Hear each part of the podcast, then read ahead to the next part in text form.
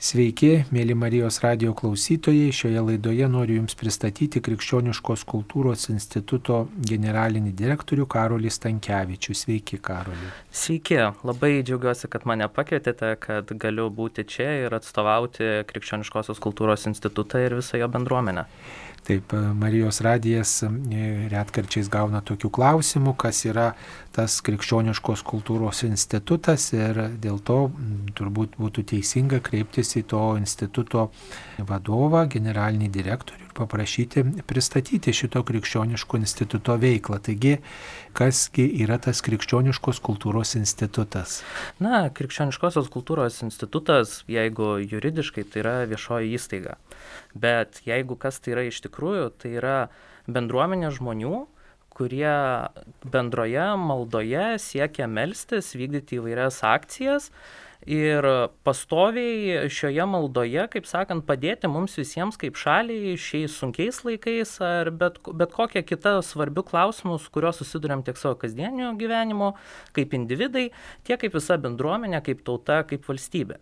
Ir institutas šiaip yra pakankamai seniai e, įkurtas 2003 metais.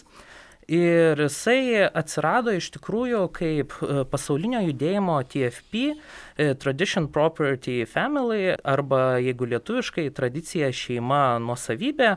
Šis judėjimas jisai atsirado Pietų Amerikoje ir jisai išplito visame pasaulyje. Ir šis judėjimas taip pat jau 90-aisiais bandė savo veiklą ir padalinį atsidaryti ir Lietuvoje.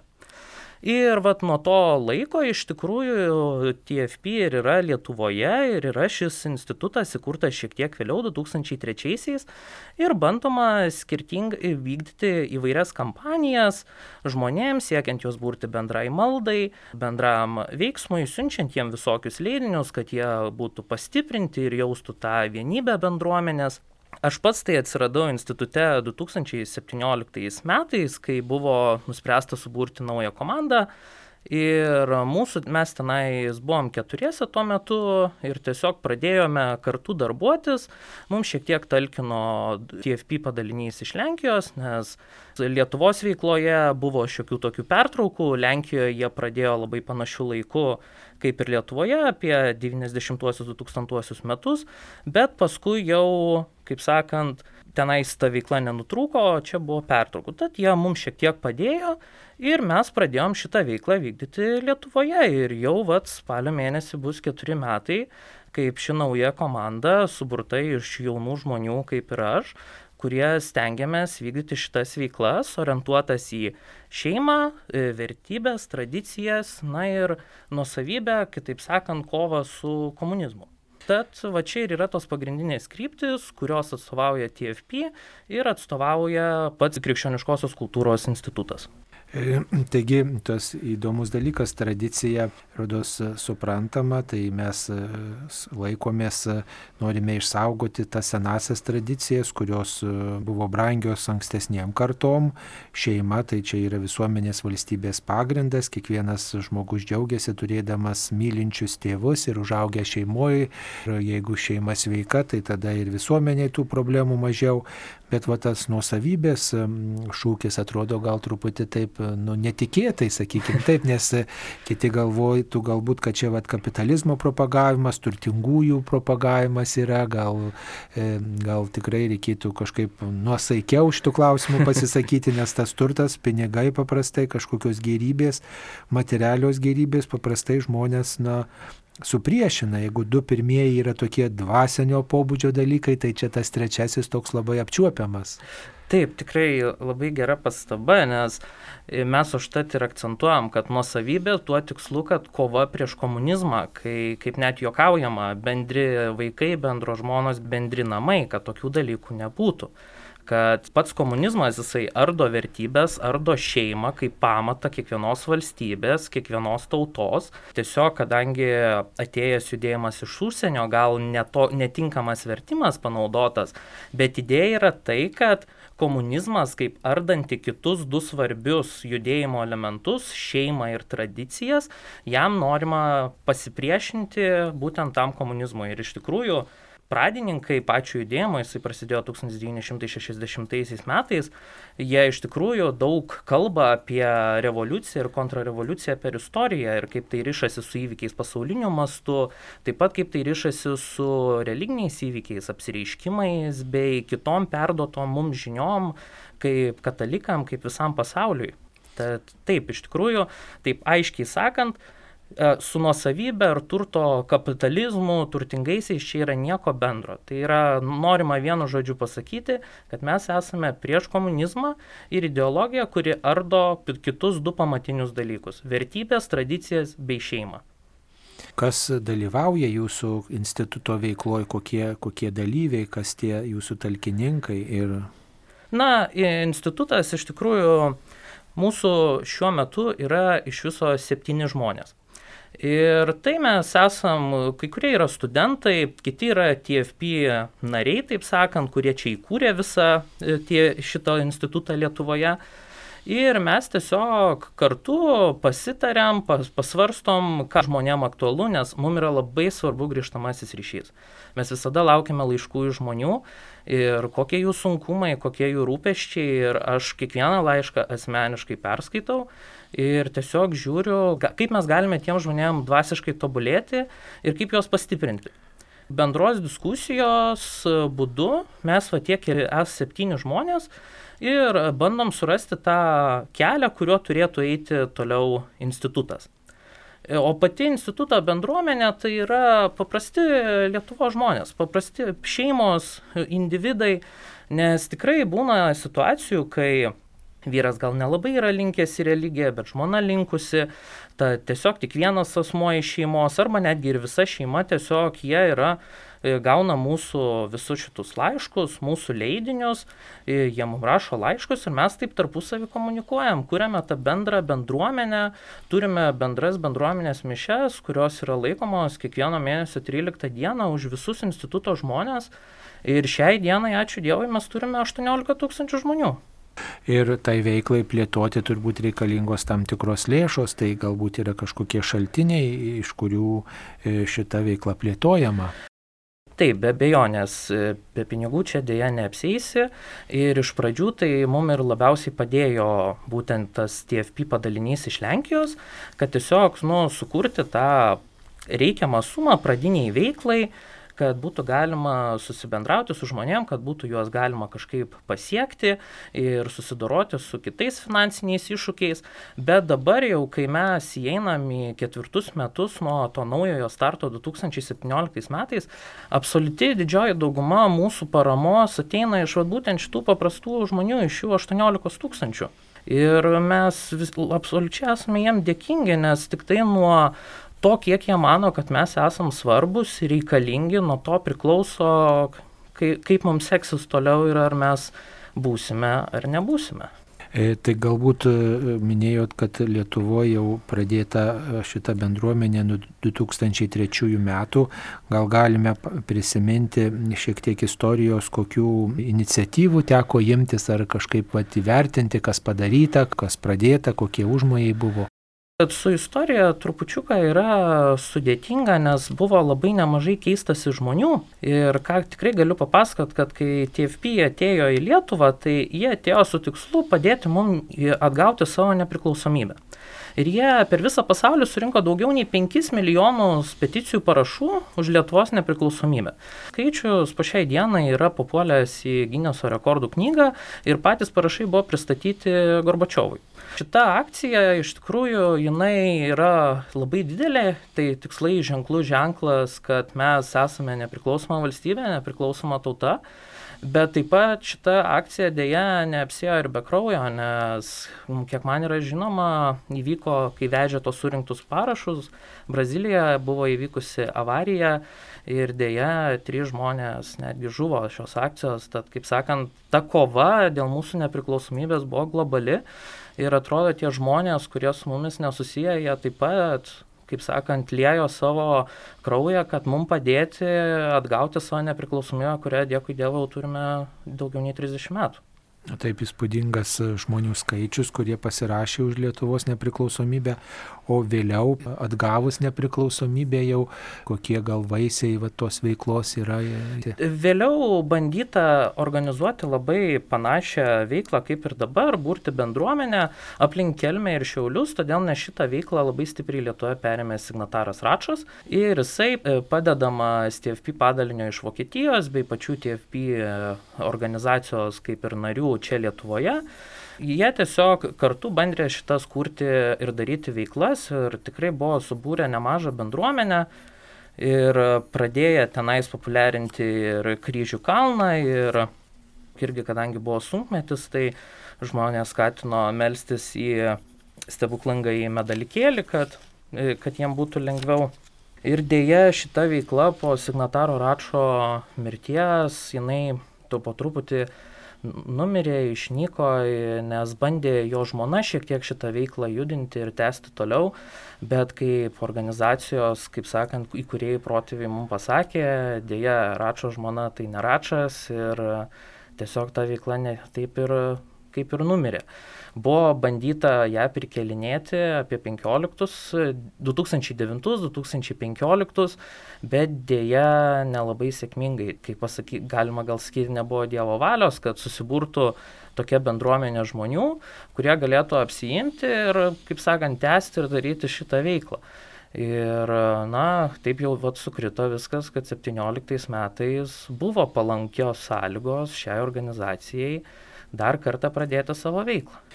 O jums netrodo, kad galbūt jūsų organizacija dubliuoja kai kurių kitų katalikiškų organizacijų veiklą, ar to, nėra tokios konkurencijos, ar tokio kažkokio priešiškumo, kad štai mes ir jūs ir dar kiti kažką darom tą patį? Na, aš manau, tikrai mūsų nebus per daug šitoj visoj srity, nes darbo yra tikrai daug ir mes nors visi kaip gal ir tematika mūsų yra panaši, temos, kuriomis dirbame kaip ir tos pačios, bet pasaky, tie metodai yra truputį kitokie, nes nepaisant to, kad Marijos radijas gali pasiekti kiekvieną, su, nes jo yra transliacijos girdimos kiekviename Lietuvos kampelyje, mes vis tiek sulaukiame laiškų iš žmonių, kad jūs esate vieninteliai, kurie man parašot, nes nors Marijos radijas gali apšviesti kiekvieną, laiško parašyti kiekvienam į namus dėja kaip ir negali. Šią galimybę turime mes. Ir dėka to, kad mūsų yra daug dirbančių šitoj visoj ir skirtingai vykdančių savo veiklą, mes galime būti didžiulė šeima, didžiulė tikinčiųjų šeima visoje Lietuvoje per nuotolį. Ir tas, tas tikrai yra svarbu, nes, kaip sakiau, aš perskaitau kiekvieną laišką ir žmonės tikrai pasidalina, kai aš, aš, aš sergu, aš esu invalidas, aš negaliu nueiti į bažnyčią, su manim niekas nebendravo per socialinės darbuotojas. Ir ačiū Jums, kad Jūs parašote laišką, nes mane kažkas prisimena, kad aš esu. Tas pats yra ir netokiose tragiškose situacijose. Pavyzdžiui, seneliai gyvena vieni, pas juos nelanko jų nei anūkai, nei vaikai. Ir jie jaučiasi tikrai vieniši ir su šiuo vienišumu tas mūsų asmeninių laiškų rašymas irgi padeda kovoti. Tad, kaip sakiau, mes visi kartu veikdami ir dirbdami Dievo labui galime padėti ir padaryti daug daugiau. Tad aš asmeniškai konkurencijos tikrai neižvelgiu. Tik ką aš matau, tai vienas kito abipusį papildomumą. Na ir kokią vietą matote bažnyčios visam organizme, kaip bendradarbiaujate su oficialiaja bažnyčia, minėjot, kad šventos mišios vyksta, ar tai yra kažkoks kapelionas, kuris jūsų bendruomenę palydė, ar, ar kaip kitaip? E, kaip pasakyt, e, mes bažnyčią visada palaikome ir niekada prieš ją neiname, nes, kaip pasakyt, ką šventieji tėvai nusprendžia ir kas ateina iš Vatikano, tai tai nebus tikrai skuboti sprendimai, kaip mes matome. Tai tikrai yra tradicija, tai yra apmastyta iš vairių perspektyvų, istorinių šaltinių, tai tai, ką mūsų visus Romos katalikus mums yra perdodama ir, sakykime, nurodoma kryptis, kuria reikėtų eiti visai bendruomeniai, čia mes neturime jokių abejonių. Viskas, ką mes norim padaryti su savo veikla, tai kad žmonėm būtų lengviau, e, prie, lengviau kartu eiti, gauti reikiamą literatūrą, šaltinius, nes nors tai galima prieiti ir savo parapijose iš tikrųjų, bet kaip sakiau, problema tai, iki parapijos reikia nueiti, o mes galim atsiųsti tiesiai jums į namus. Tad, kaip sakiau, viskas yra papildomumas Ir mes tiesiog norime eiti kartu ir padėti bažnyčiai įtin šio sunkiu laiku, kai kunigai yra šitaip užsipuolami viešoje medijoje, kas, nu, mano galva yra sunku net įsivaizduoti, nes būtent dėl šitų žmonių mes atgam savo nepriklausomybę, tai yra šventi žmonės ir tiesiog ne ta žodžio prasme ir bet kokia kita prasme. O dėl kapeliono, tai Aš, e, kaip pasakyti, bendrauju ir pažįstu opusdei kunigus Lietuvoje ir mes paprastai sutarėme mišes už bendruomenę, kad jie atlaikytų Daukanto aikštėje vienas, esančioje jau Švento kryžiaus bažnyčioje Vilniuje ir mes palaikome šiltus santykius su jais, pasidaliname apie vat, bendruomenės sunkumus ir jie visada mielai atlaiko už bendruomenę mišes, už, kaip, už mūsų iššūkius ar kampanijas. Ta, kad mes tikrai bendradarbiaujame, pasitarėme ir, kaip pasakyti, esame jauni, gal ne viską suprantame apie tai, kaip bažnyčioje vyksta, ta tikrai yra džiugu turėti kunigų, su kuriais gali pasitarti ir jie tau, kaip pasakyti, pasako, kaip turėtų, kaip geriau būtų visam bendram gėriui. Mano rankose jūsų išleistas kalendorius jau štai praėjo keli mėnesiai, tarsi ir nėra svarbu pristatyti tą kalendorių, tačiau manau, kad e, metai bėga ir, ir apskritai šitas kalendorius nėra paskutinis, išleisit ir naujų kalendorių ir tų katalikiškų kalendorių nėra labai daug išleista, o jūsų kalendorius yra ne tik iliustruotas šventųjų vietų atvaizdais, e, tokių svarbių Lietuvai vietų atvaizdais, bet taip pat tame kalendoriuje kiekviename puslapyje yra mergelės Marijos atvaizdas. E, štai kodėl pasirinkote dėti kiekvieną, prie kiekvieno mėnesio e, mergelės Marijos atvaizdą. Na, tai kalendorius pavadintas yra 365 dienos kartu su Marija. Ir idėja yra tokia, kad žmogus pasikabintų šį kalendoriuje jam malonioje vietoje, kur jisai yra ten kiekvieną dieną ir jisai kartu tas dienas leistų su Marija nes ne kiekvienas turi ar gali turėti statulą, bet mūsų kalendorių tikrai gali pasistatyti ir būti kartu su mergele, ją pasižiūrėti, apmastyti ir tą taip pat padeda padaryti ir šventieji kiekvienam puslapį, nes dėl ko yra tiek daug šventųjų ir, kai, ir labiau žinomų ir nelabai, dėl to, kad idėja yra tokia, kad tu atsikeli iš ryto, tu pasižiūri į kalendorių ir tu pamatai šventai. Kadangi ta diena yra to šventojo, tu jį gali melstis, prašyti jo užtarimo ir palaikymo su tavo iššūkiais tą dieną. Tad tokiu būdu, kaip ir, sakykime, šventųjų bendravimas gal netgi vyksta ir esi kartu šalia Marijos, jinai šalia tavęs, jinai žvelgia į tave šiuo sunkiu laiku, kai esame visi atskirti, turim tokį dvasinį palaikymą, kuris visada yra šalia tavęs.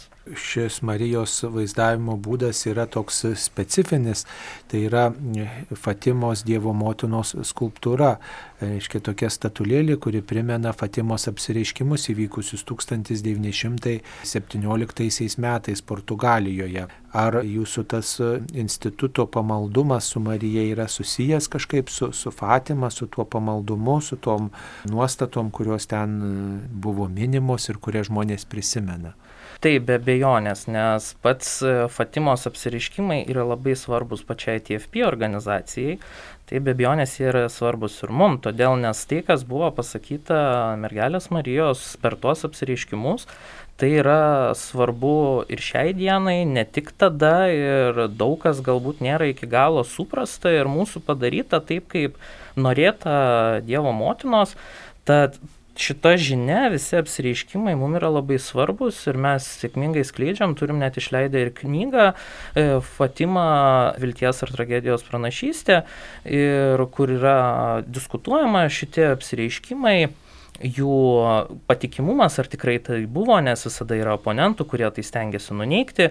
Na, bet mes kaip komanda šimtai tikime, kaip buvom, nes esame uolus išpažintai Dievo motinos ir mums tai yra labai svarbu, jos dalyvavimas, pati rožinio malda ir labai skatiname visą vat, savo bendruomenę bendrai rožinio maldai.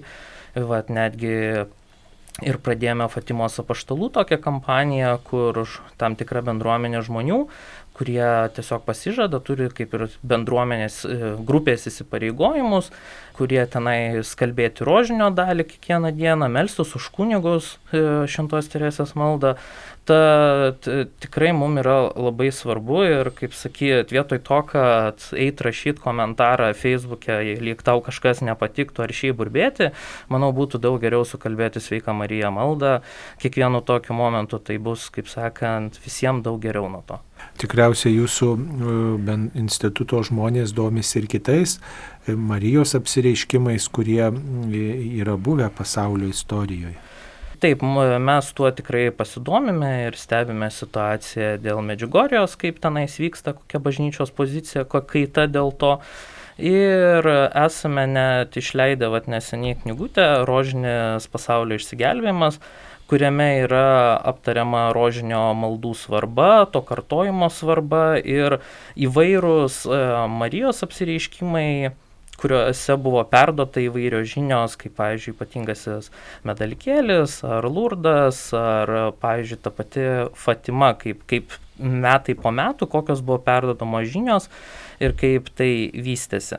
Bet vis tiek centruojamės mes ties Fatimos apsireiškimu, nes ta žinia jinai tikrai yra labai aktuali ir ta kova dėl vertybių ir šeimos jinai dabar įgauna įtin ypatingą pagreitį, tad tikrai nevalia pamiršti, kas buvo mums pasakyta Dievo motinos.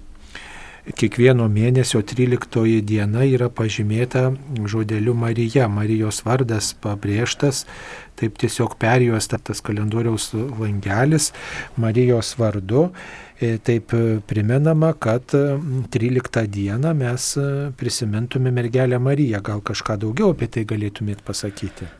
Tai tokia ir buvo mintis, kaip jūs vardinote, kad 13 diena tai yra Marijos apsireiškimų Fatimoje diena kad tą dieną mes prisimintume mergelę Mariją ir pasimelstume, apmastytume, arba elementariai, jeigu mums kyla klausimų, kodėl Marija, tai paskirtume laiko ir įsiaiškintume, kas ypatingo su ta 13 diena. Bet tiesiog, kad, kaip sakiau, kai papuola kalendorius į rankas, kad būtų žinoma, kad tai yra Marijos diena dėl Fatimos apsireiškimų. Ar jūs, jums teko būti piligriminiai kelioniai Fatimoje? Deja, man asmeniškai neteko, tikrai būtų smagu aplankyti, nes prale... tiek metų praleidus kartu, skaitant, analizuojant, tai norėtųsi nuvykti gyvai ir pajusti tą dvasę, kuri tenais Fatimoje yra.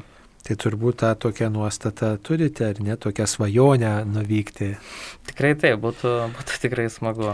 Bet e, galima nuvykti kiekvieną mėnesį 13 dieną iš Šiluvoje vykstančius mažuosius atlaidus, kur be irgi... Be abejonės, tai be abejonės ir tikrai kiekvienas, kas turi galimybę, tegul važiuoja į mūsų, mūsų vietoje esančią šventą vietą, nes jinai nemažiau šventesnė ar nemažiau svarbi negu ta pati Fatima, nes mes turėjom vietinį apsireiškimą, Tai yra mūsų tikėjimo tėviškė, pavadinkime, kur galime atvažiuoti ir visi melstis.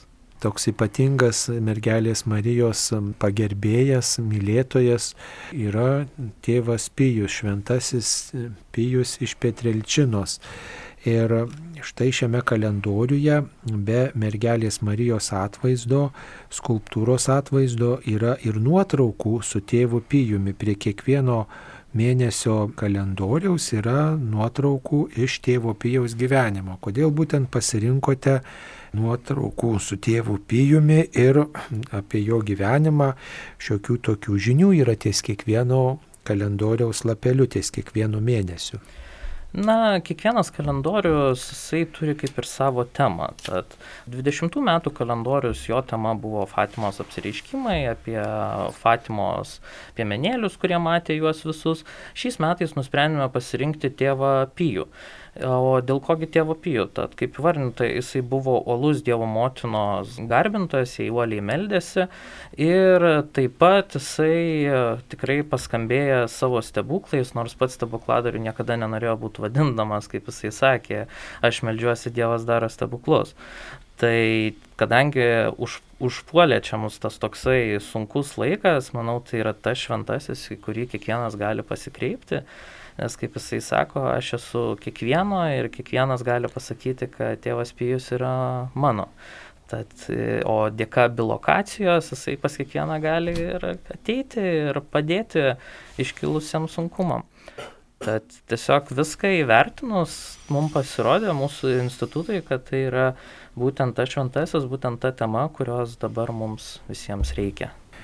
Mėlyjams Marijos radio klausytojams galime priminti, kad tėvas Pėjus iš Petrelčinos mirė rugsėjo 23 dieną ir jis žinomas visame pasaulyje kaip tas, kuris visą gyvenimą savo ranko, kojų ir šonę nešiojo, rankose, kojose ir šonę nešiojo Kristaus žaizdas. Tose vietose, kur Kristus turėjo žaizdas, tai turėjo ir tėvas Pijus ir to žaizdos negyjo ir skleidė malonų kvapą.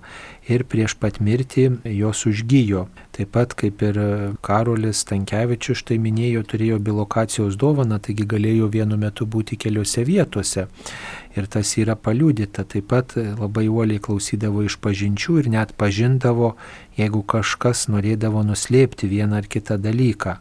Jį žmonės pažindavo iš labai malonaus kvapo ir artindamiesi, kurisai gyveno prie tų namų, ten jau autobuse netgi jausdavo tam tikrą gėlių kvapą buvo maldos žmogus ir e, turėjo tokią dovaną, galėjo susikalbėti tomis kalbomis, kurių ir pats nemokėjo. Jo aukojamos mišios kartais būdavo labai ilgos, netrukdavo iki keturių valandų ir buvo dvasinis vadovas ir paliko mm, ligoninę kenčiantiems žmonėms, taip pat daugybę maldos grupių. Taigi, ne veltui ši bendruomenė, Krikščioniškos kultūros institutas atkreipė dėmesį į šitą žmogų, kuris net ir apie Lietuvą yra pasakęs keletą sakinių. Galbūt ir kiti šventieji yra jums svarbus ir artimi, galbūt e, norėtumėte dar prie kokio šventojo staptelėti, kurio globos prašote ar kuriam simpatizuojate?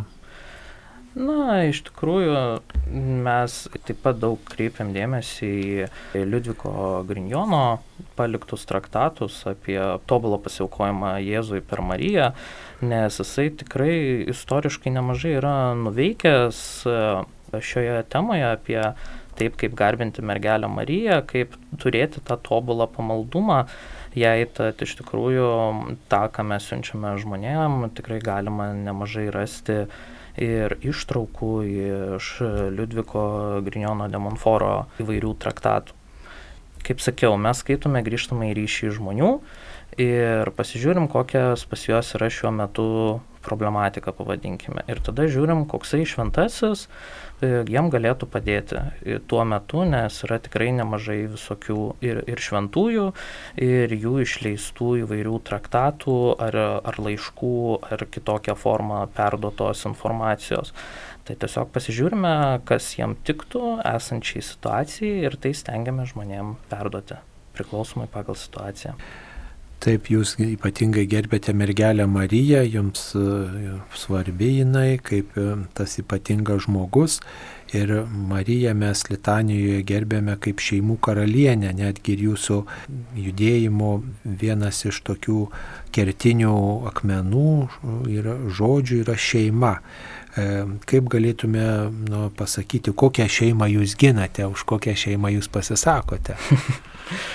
Na, manau, tai yra kaip ir akivaizdus atsakymas, kad mes giname tą tikrąją tradicinę šeimą tarp vyro ir moters, taip kaip yra aiškiai parašyta ir katekizme, ir šventajame rašte, ir dėl ko nėra jokių abejonių, ar dėl ko reikėtų diskusijas vesti.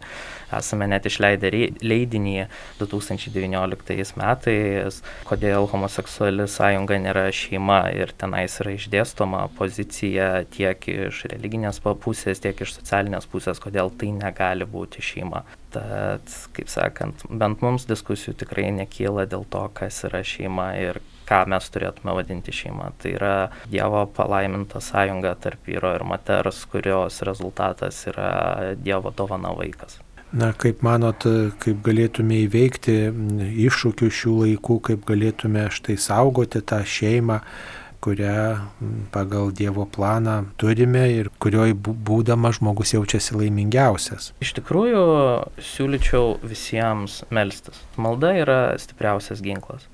Ir prie šitos išvados mes iš, priejome vykdinami savo veiklas ir tiesiog skaitydami, nes, kaip sakant, tai nieko naujo, kar, ne kartą yra pasakyta, kad stipriausias ginklas yra malda reikia melstis ir veikti ir melstis ir Dievas tada padės, nes mes vykdėme peticijų kampaniją prieš LGBT įtynės Vilniuje ir ta kampanija tikrai buvo sėkminga, klausimas buvo aktualizuotas kiekvienoje šeimoje, net universitetuose paskaitų metu buvo vedamos diskusijos apie tai, tai tikrai buvo šis klausimas pakeltas į, į, į viršų ir žmonės supažindinti tačiau eitynės vis tiek įvyko.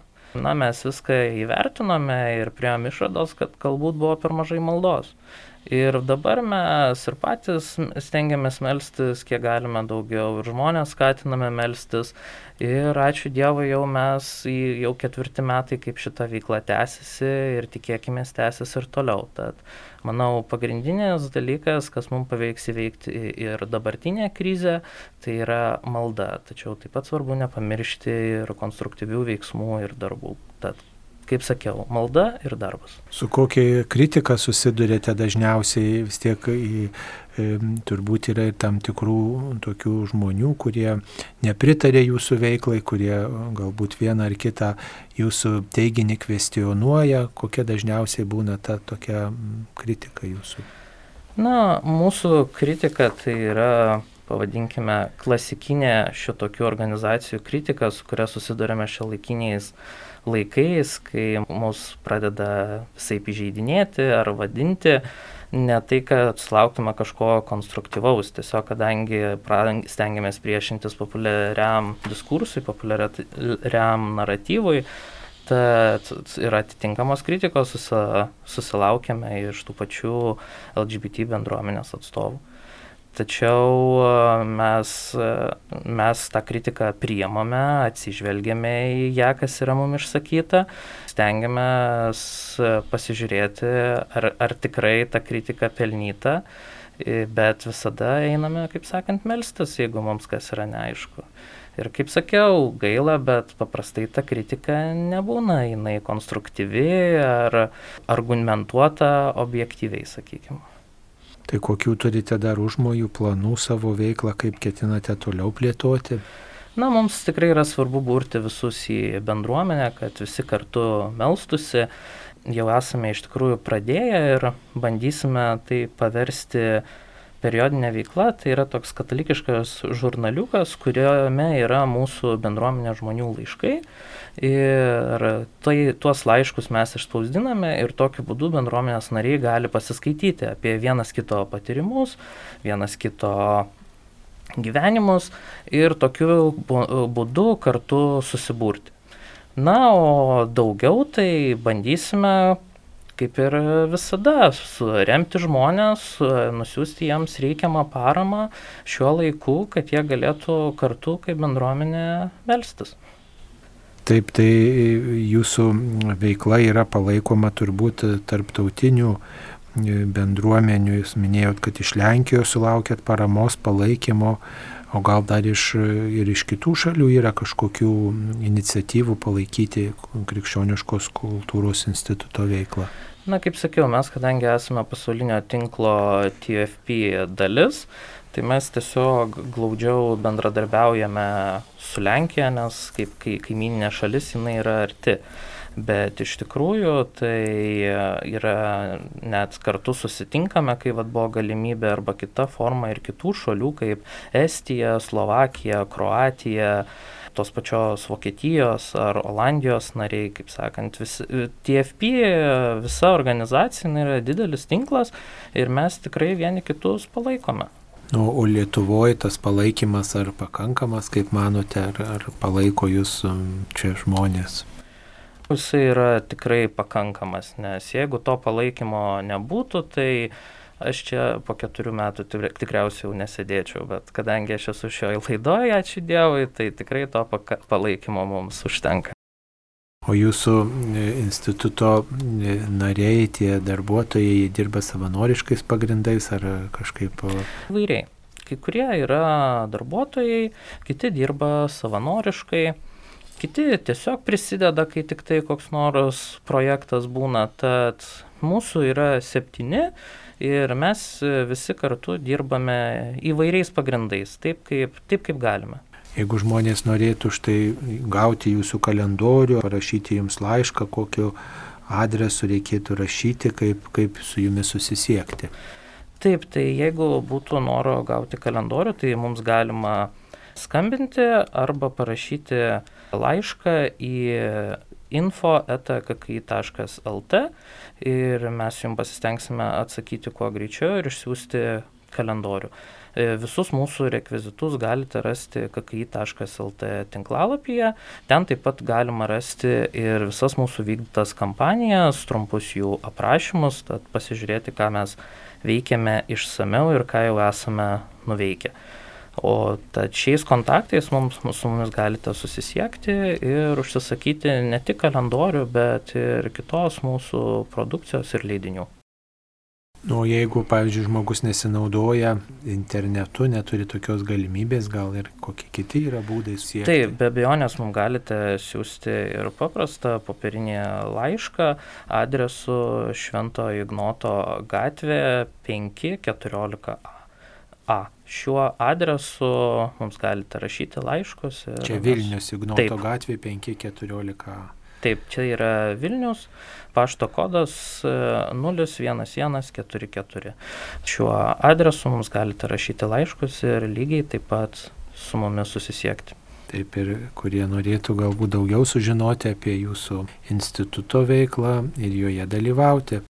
Tai dėkojam Karoliui Stankievičiui, kuris yra Krikščioniškos kultūros instituto generalinis direktorius. Šioje laidoje pakvietėme jį pristatyti šį e, institutą ir jo vykdomą veiklą.